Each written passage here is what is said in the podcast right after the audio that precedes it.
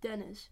Dennis is een vrije, journalistieke geest die benieuwd is naar hoe de wereld in elkaar steekt. En niet alleen in wat er gebeurt. Hij stelt betrokken vragen en verdiept zich gaandeweg in de onderwerpen.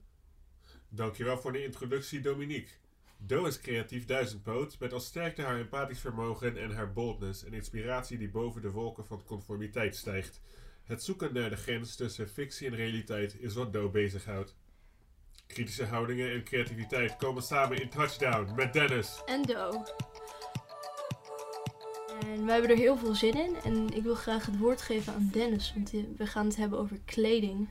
Wat ga je ons vertellen, Dennis? Wat ik, waar ik het vandaag over ga hebben zijn een inspirerende uh, Windows Shop sessie. Waar bretels vandaan komen. En... Jouw eigen ervaringen, toch? Met van mannen- en vrouwenkleding. Ja, en dan heb ik ook uitgezocht waarom, zeg, waarom er zeg maar mannenkleding is en vrouwenkleding. En waarom, hoe dat verschil tot stand is gekomen. Want je had mij ooit een verhaal verteld dat jij een mooie turtleneck zag, groen. Wat, wat is het verhaal daarachter? Ja, ik liep dus door uh, een, een, sneeuwbedekt Utrecht. Liep ik langs de Tenue de Ville in het centrum, bij, uh, bij Sint-Janskerk. En toen liep ik, dus zag ik een etalagepop van een, vrouwelijke etalagepop met een groene turtleneck. Een beetje grasgroen, misschien iets lichter nog, richting teal. En een, witte broek, een wijde broek met uh, allemaal patroontjes en allemaal bloemetjes erop. En toen dacht ik van, ah, dat wil ik eigenlijk ook wel hebben. Maar toen kreeg ik dus een soort van door dat het bedoeld was voor vrouwen. En toen ben ik dus die, die, de naam van die zaak op gaan zoeken. Dat was Tenue de Ville. En het blijkt dat zij jou gaan stylen. Waar ik overigens veel te koppig voor ben. Maar ik vond in ieder geval dat outfit mooi. Hm. En toen ben ik breder gaan denken. En het is al een probleem dat ik... Een probleem. Een, een, een patroon dat ik merk. Is dat er voor vrouwen veel meer verschillende en kleurrijkere opties zijn. Qua kleding dan voor mannen. En hoe laat het jou dat voelen?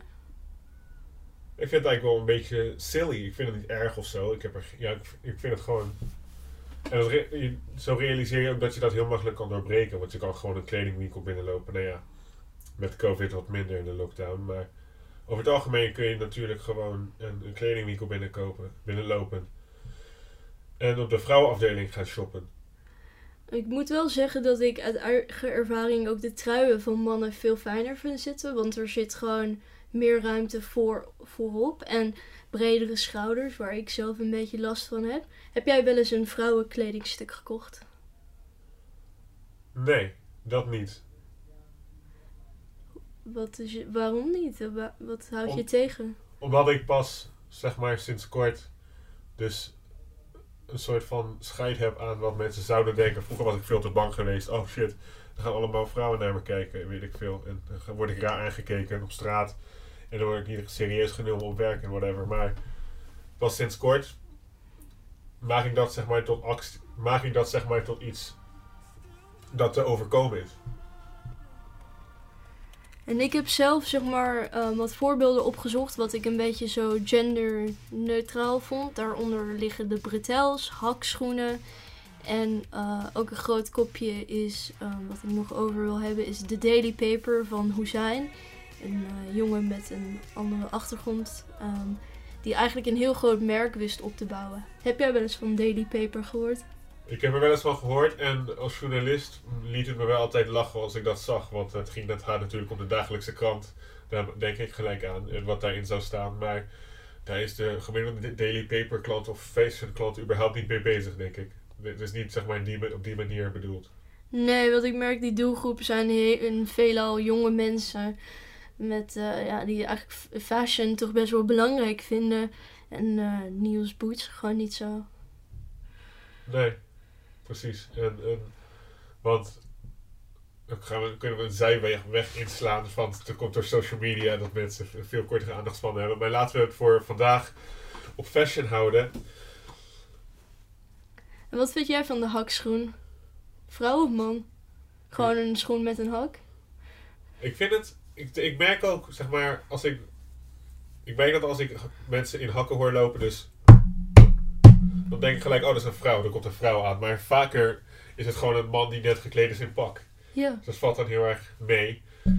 Dus, dus ik ben ook steeds met dat, dat, dat imago is zeg maar weggesmolten. Dat het een vrouwending is. En van zo'n van zo'n femme fatale of weet ik veel. Ja, zo'n vrouw, zo'n strakke kokerrok en een eh, net blouseje. Dat past nu niet meer bij dat beeld. Nee. Ik merk ook bij Amsterdam-Zuid, daar zie ik altijd heel veel mensen in pak en met briefcases lopen.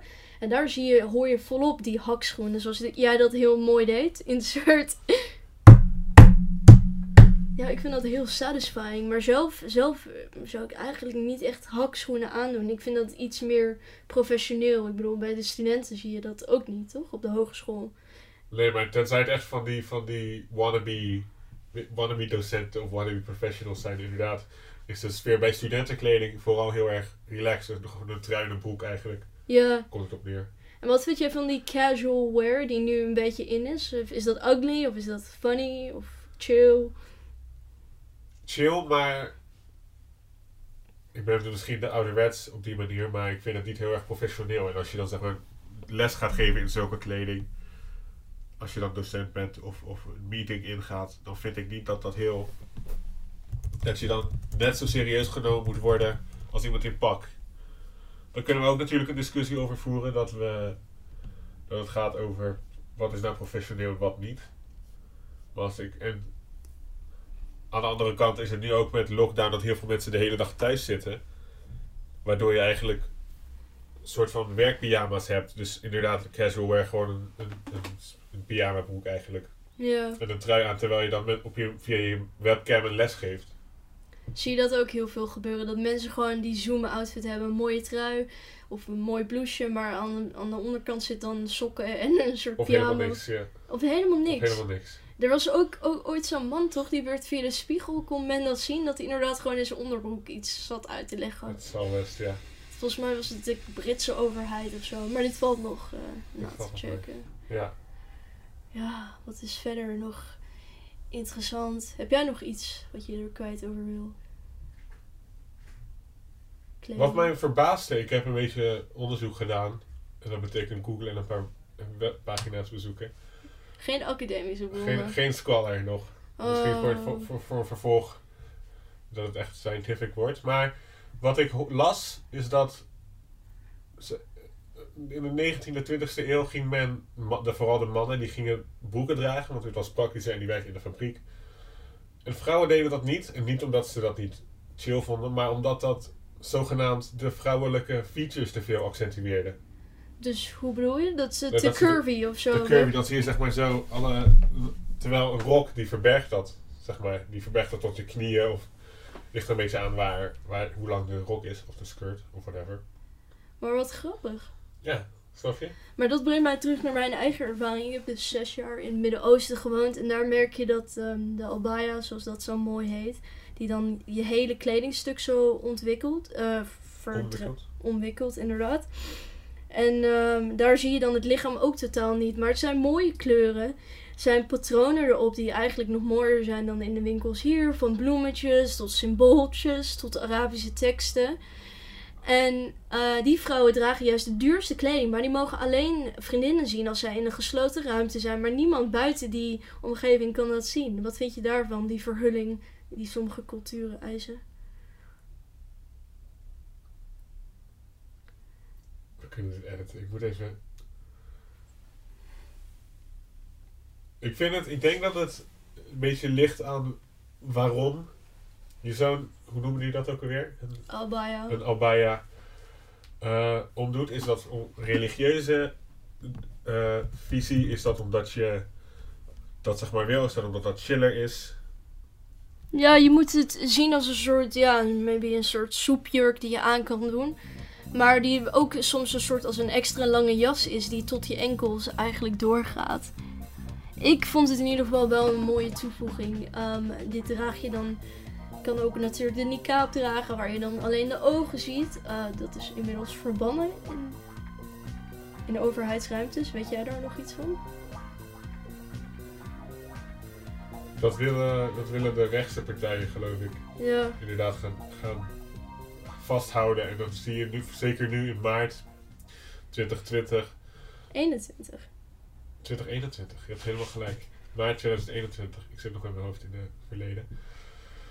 dat de partijen nu zeg maar zeggen, joh, we gaan het afschaffen. Want nu mag je zeg maar, als je iemand in het openbaar vervoer of met een boerka, dat is, zo heet dat heel mooi, dat is niet heus, een boerkaverbod.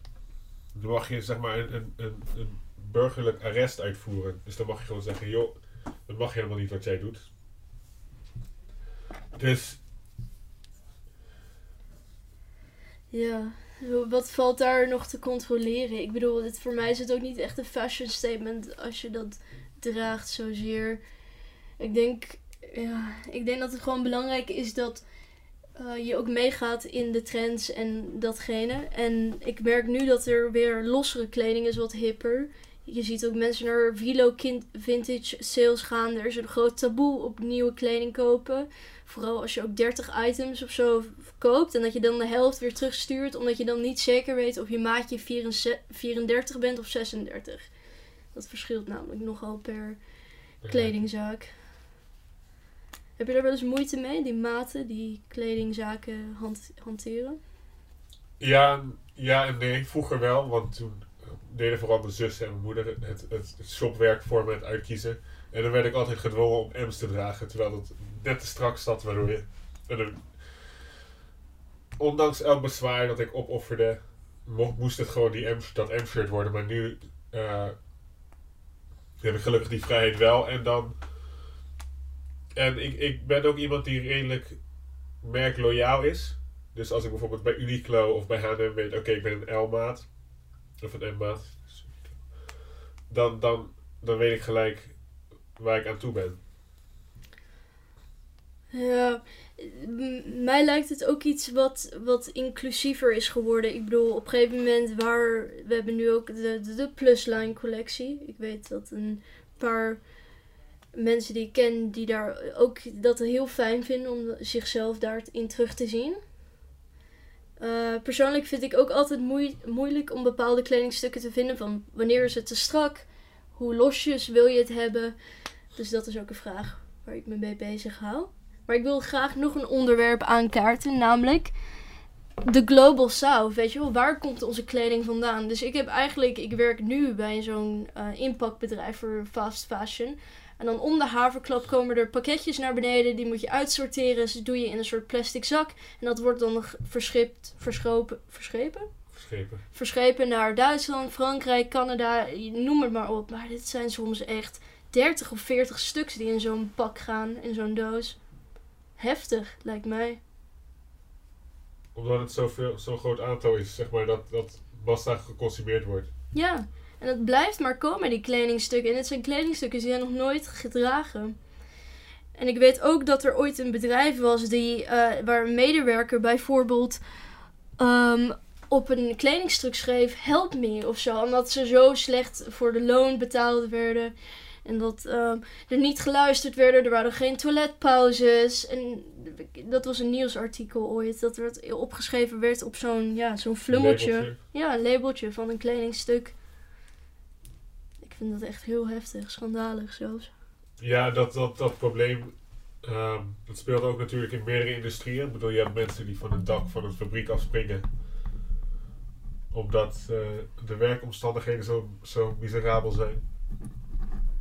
Dus vind je dan dat we dat, dat af moeten schaffen? Dat we het doen dat we hebben? Of wat vind jij, zeg maar, omdat je ook die ervaring hebt in, die, in dat shippingcentrum?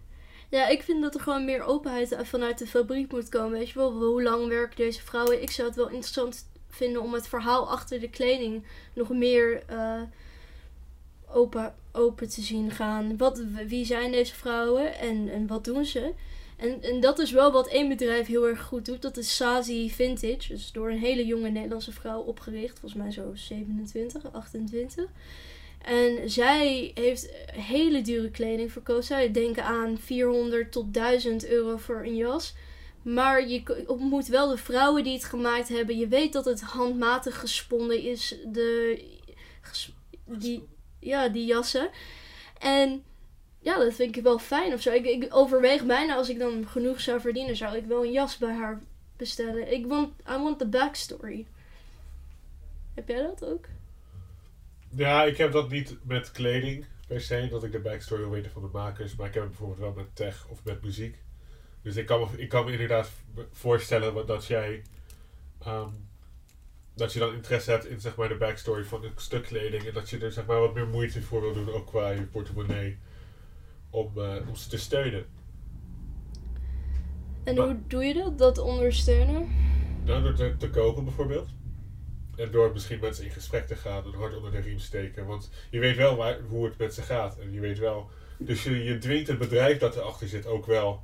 Zeg maar, om, om in ieder geval een poging te doen om het, de werkomstandigheden zo redelijk te maken dat je er trots op bent. Dat je dat publiceert. Ja. Dus ik denk dat je. Het vraagt vooral veel van de, van de greedy corporations, zeg maar, van de ondernemers. Ja, van, bo- van bovenaf lijkt mij inderdaad. Ja, want die moeten inderdaad. En dan krijg je weer het risico dat het vervalst wordt. En dat er allemaal onzinverhalen staan. Dat de mensen die je in de foto's en de video's terugziet er helemaal niet werken. Ja, dat soort van gelikte versies van de werkelijkheid. Zoals bij Noord-Korea bijvoorbeeld, in hun eigen items over hun eigen land. Ja, ik had laatst ook gezien dat Niet, ze niet om te zeggen dat de fast fashion industrie of, of iets, massaconsumptie... i- iets een link heeft met Noord-Korea. Noord-Korea is fast fashion. Nee, dat, die aanname gaan we niet maken. Nee. Maar je moet natuurlijk ook naar eigen land kijken. Wat, wat zien wij in Nederland over fast fashion? Je ziet wel dat meer kledingbedrijven failliet gaan, omdat, het omdat je gewoon zo snel online moet meedraaien. Met, Daar zat ik niet eens aan te denken, maar het is inderdaad ook wel interessant punt dat zeg maar de retail verloren gaat. Maar is dat ook niet, heeft dat niet zijn voordelen? Dat het, dat je, want dan hoef je geen huur te betalen voor je pand, dan hoef je geen, weet ik veel wat allemaal. Je zet gewoon een website op en je zorgt ervoor dat je ja, servers en, en, en, zeg maar de IT-voorzieningen hebt om dat... eh, En dat is ook weer die, die opkomst van merch die mensen zelf ontwikkelen en maken. Ik bedoel, hoe makkelijk is het om een kledingstuk naar een soort fabriek te sturen en iets geprint te krijgen van ik ben de leukste thuis of zo. Weet je wel, iets mafs of eh, iets van je team, uitnodiging dat daar iets komt vast te staan. Dat boeit mij vooral. Dat je het van eigen huis zo snel kan regelen. Dat je inderdaad al die experts, al die, die ervaring met retail, dat hoef je dan nu meer te hebben. Gewoon een beetje savvy zijn. Mensen opzoeken. Dat. Ja, het wordt ook steeds makkelijker met websites bouwen. Ik bedoel, je hebt, we maken geen reclame hoor, maar je hebt Squarespace en je hebt Wix en je hebt you know, allemaal van die build your own websites eh, bedrijven die er natuurlijk ook van profiteren dat alles online is nu. En zeker nu dat we ook in zo'n, eh, inderdaad in zo'n lockdown zitten, zo'n waar we fysiek beperkt worden, is de internet misschien wel de uitweg om je kleding en om bepaalde eisen gewoon te halen. Want je kan niet weg. Je moet toch het web op. Ja, je moet ergens terecht. En wat is er nou meer toegankelijk dan het internet?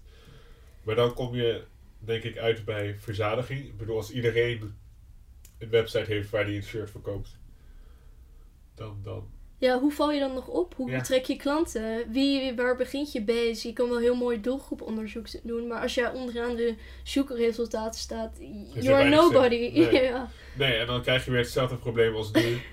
waar het zeg maar is de, de, de rijkste en de meest zeg maar bekwame, die komen aan de top en die, die nemen dan kleinere zaken over.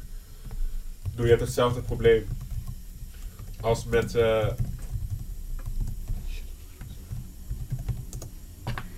Wat wil je zeggen over dezelfde problemen als de zakenmensen? als nu eigenlijk. Je hebt zeg maar de, grote de big few. Je hebt Amazon, Zalando. Noem maar op. Je hebt zeg maar een paar grote spelers. Mhm. Die alles. Ja, die De big boys, Ja. zeg maar, Ja, en girls. Ehm, ja, hoe val je dan nog op? En ehm, ik denk dat eigenlijk dat ons naar de eindstelling brengt van... eh, wat is het nieuwste kledingstuk dat je hebt gekocht? Het duurste kledingstuk dat ik heb gekocht. Jezus. Ik- Dat weet ik niet zo snel. Weet jij het? Heb jij het paraat liggen hier? Nou, ik heb het toevallig aan. Het is zo- zo'n zo'n bruin blouseje met een beetje, ja, wat zou je zeggen, spiralen?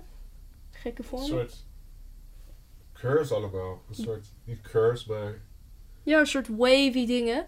Maar... een beetje een tapijt uit de jaren 70. Ja, ik, Wauw. ik, ik kan net zo'n Stanley Kubrick film inderdaad, zoals het behang daar. Mooi, dankjewel. maar wat ik wel wil zeggen is dat dit kledingstuk heb ik gekregen van iemand die overleden is. Dus dat is niet eens gekocht. Het is gewoon aan mij Geërfd. geërfd. Heb je het geërfd?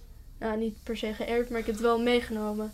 Oké. Maar ja, het komt op hetzelfde idee neer. Ja, toch? Ik bedoel, anders ligt het er maar. En dan worden misschien in de, in de kliko gegooid. Precies. En dus Dennis, waar willen we het volgende week over hebben?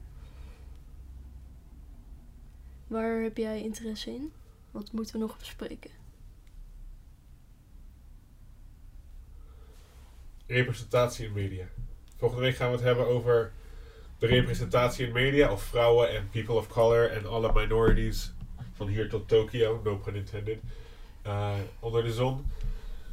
En we gaan het hebben over of die representatie nodig is. Want ik bedoel, het is natuurlijk gewoon fictie, een tv-serie of een, of een film. Dus moet dat nou de werkelijkheid weerspiegelen?